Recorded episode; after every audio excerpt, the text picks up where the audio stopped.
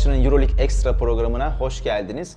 Euroleague'de 7. haftayı, temsilcilerimizin maçlarını ve ekstra olarak da milli takımın Belçika ve Sırbistan maçlarını konuşacağız. Sevgili Mete Aktaş'la beraber abi hoş geldin. Hoş bulduk abi. Yavaştan istersen abi önümüzdeki Kızıl Yıldız maçına geçiş yapalım. Son sırada Kızıl Yıldız nispeten daha rahat bir maç geçmesini bekliyor musun sen kendi adına?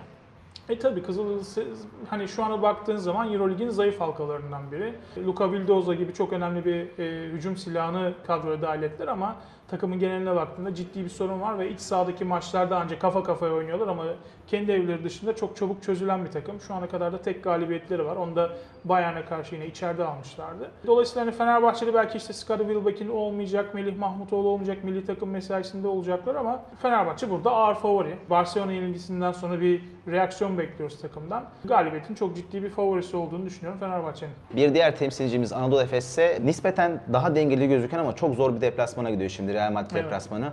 Ee, biraz da bu maçı değerlendirebilirsen seviniriz abi. Real Madrid de tabii beklentilerin altında kaldı şu ana kadar. İlk hafta Panathinaikos'u yenmişlerdi deplasmanda. Kızılyıldız'ı iç sahada e, yendiler. O iki maç haricinde böyle çok iyi görüntü çizmezken son hafta işte Olimpia Milano, o da biliyorsun Milano'da Final Four adaylarından Evet, biri. Önemli bir kadro kurdular. E, deplasmanda onları yenmeleri tabii çok önemliydi. Canan Musa'ya orada bir parantez açmak lazım. Eski Anadolu Efes oyuncusu. Belki Efes rotasyonunda kalsaydı Musa e, şu an takımın sıkıntısı olan birçok noktayı çözebilirdi diye düşünüyorum. E, biraz erken vazgeçildi. O zaman da onu düşünmüştüm. Musa'dan biraz erken çıktı e, Anadolu Efes. Real Madrid'de de gerçekten iyi oynuyor. Çok da iyi bir e, Avrupa Şampiyonası da geçirmişti. E, gelişimini devam ettiriyor. E, yine geçen haftanın en kritik oyuncularından biriydi. Bu maçta da e, Anadolu Efes'e ekstra bir motivasyonla oynayacağı kesin. Nasıl iki program önce hatırlarsın Onur Alp Bitin'den bahsetmiştik. evet. Bursa maçında bench'e döndü sürekli işte ona ekstra bir motivasyonla oynamıştık. Bu haftada muhtemelen Canan Musa'yı öyle bir ekstra motive bir şekilde izleyeceğiz Anadolu Efes karşısında. Tabii kolay olmayacak. Ee, dediğim gibi Efes'in sorunları var. Ee, Real Madrid'in de istikrarsızlığı belki en büyük sıkıntısı. Hafta sonunda yine e, İspanya Ligi'nde ACB'de Zaragosa'ya kaybettiler. Sürpriz bir yenilgiyle deplasmanda. Ki Sergio iyi bir performans ortaya koymuştu ama yenilgiyi önleyemedi. Ama kağıt üstüne baktığın zaman Real Madrid tabii yine çok iyi bir takım, çok iyi bir kadro. İki takım birbirini çok iyi tanıyor. Ee, yine geçen haftaki maçta Barcelona-Fenerbahçe maçında İbra %51 Barcelona'dan yana demiştik. Bu maçta da yine %51 Real Madrid'den yana demek lazım herhalde. Biraz da milli maç arasına değineceğiz. Ee, Türkiye'nin oynayacağı Belçika ve Sırbistan deplasmanları e, maçlar hakkında konuşacağız. E, bu maçlar hakkındaki bir ön değerlendirme alabilir miyiz abi sen? Valla tabii Dünya Kupası'nda biraz e, işimiz zor. İlk maçlarda iyi performans ortaya koyamadık. Şu anda e, 6 maçta 2 galibiyetle e, 8 puanla sadece Büyük Britanya'nın önündeyiz grupta. 6 takımlı grupta. Letonya 1. sırada, Yunanistan 2. Belçika 3. sırada, Sırbistan da 4. sırada yer alıyor. Yani kazanmamız gereken iki maç var şimdi Belçika ve Sırbistan. Eğer Dünya Kupası'na gideceksek maalesef e, hem bu pencerede hem de Şubat penceresinde oynanacak iki maçı da kazanmamız lazım. Ki Sırbistan'da işte hani önemli isimlerle e, geliyor. Euroleague'den oyuncular işte Mitsic olsun. Hani birçok önemli oyuncusu var. Kolay olmayacak. Tabii tek tek gitmek lazım. Önce Belçika engelini aşmak lazım. Belçika'dan tehlikeli bir takım ama sonuçta içeride e, taraftar desteğiyle de kazanmamız gereken bir maç. Şöyle işte milli takımın geniş kadrosu şu ana kadar belli. İstersen onu da söyleyelim. Evet. E, hani Burhan, e, Burhan Tuncer, Furkan Haltalı, Okben Ulubay, Ercan Osmani, Doğuş Özdemiroğlu, Melih Mahmudoğlu, Metecan Birsen, Şehmus Hazer, e, Skari Wilbeck'in, Onur Alp Bitim, Yiğitcan Saybir, Sadık Emin Kabaca, Sin Yaşar ve Kenan Sipay, Sertaç Şanlı ve Samet Yiğitoğlu'ndan oluşuyor şu anki.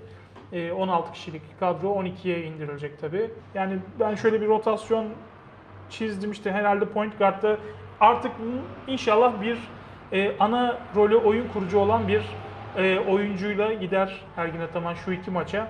E, hani Kenan Sipahi iyi bir sezon geçiriyor. Doğuş Özdemiroğlu Darüşşafaka'da çok iyi bir sezon geçiriyor. Ben özellikle bu iki oyuncunun mutlaka oyun kurucu rotasyonunda olması gerektiğini düşünüyorum. Skadi Wilbeck'in zaten geri dönüşü milli takıma diyelim biliyorsun. Daha önce de e, devşirme e, isim olarak milli takımda yer almıştı.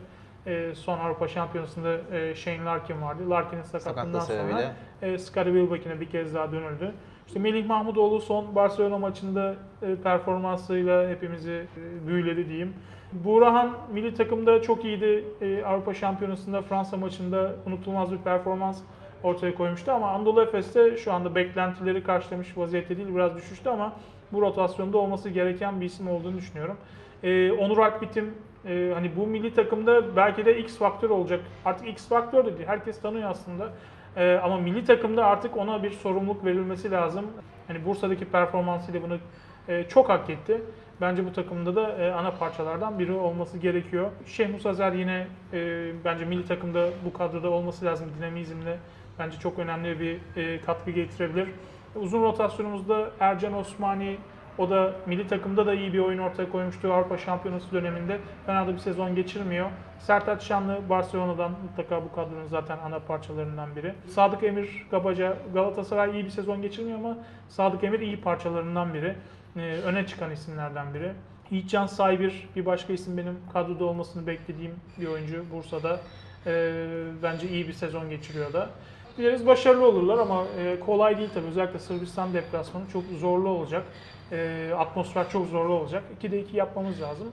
Dileriz başarılı olur milli takımımız. Biz de dileriz abi. Umarım olur. Peki ilk 5, senin ilk 5 tercihin e, nasıl olur? Milli Ee, takım özelinde. Valla benim tercihim işte Kenan Sipahi, e, Scottie Wilbekin, Onur Alp, Ercan Osman biraz uzun beşli Ercan Osmani ve Sertaç Şanlı diye düşünüyorum. Şey de sormak istiyorum abi ama yani Ergin Ataman, Onur, Onur Alp arasında sanki böyle bir hafif yani tabii bir, bir şey var gibi oradaki duruyor. Yani ben de merak ediyorum. Şimdi milli takıma e, daha önce alınmamasından dolayı aday kadrodan vazgeçilmesi, sorumluluk verilmemesi. Bunlar hep oyuncuyu e, negatif yönde etkileyen ama performansına da baktığımız zaman aslında pozitif yansıyan bir faktör oldu sanki. Yani oradan bir beslendi. evet evet. Ee, onu bir içselleştirerek oradaki milli takımda beklentilerin altında kalması, istediği rolü alamamış olması Onur Alp'i biraz ateşledi. Yani belki o ortama, kamp ortamında o ilişki bir kez daha kurulacaktır diye düşünüyorum. Ergin Ataman egoları iyi yöneten bir antrenör aslında. Bu tür sıkıntıları çözebilecek bir antrenör. Ben oradaki ilişkiyi e, yeniden onaracağını düşünüyorum. Ben yine o ilişkinin sert bir zeminde ilerleyeceğini düşünüyorum ama Onur Alp adına da Yani e, aşk ve nefret evet, evet. ilişkisi gibi bir e, şey olabilir. Ya Onur Alp de çok şikayetçi durmuyor açıkçası bundan. O sorumluluğu alırsa ben kendini ispatlama adına da e, çok ciddi bir performans vereceğini düşünüyorum. Özellikle Belçika maçında Sırbistan maçı senin söylediğin gibi çok ekstra bir maç. E, orada aslında belki bireysel performanslara biraz daha ihtiyacımız olabilir. Yine de çok zor bir süreç açıkçası.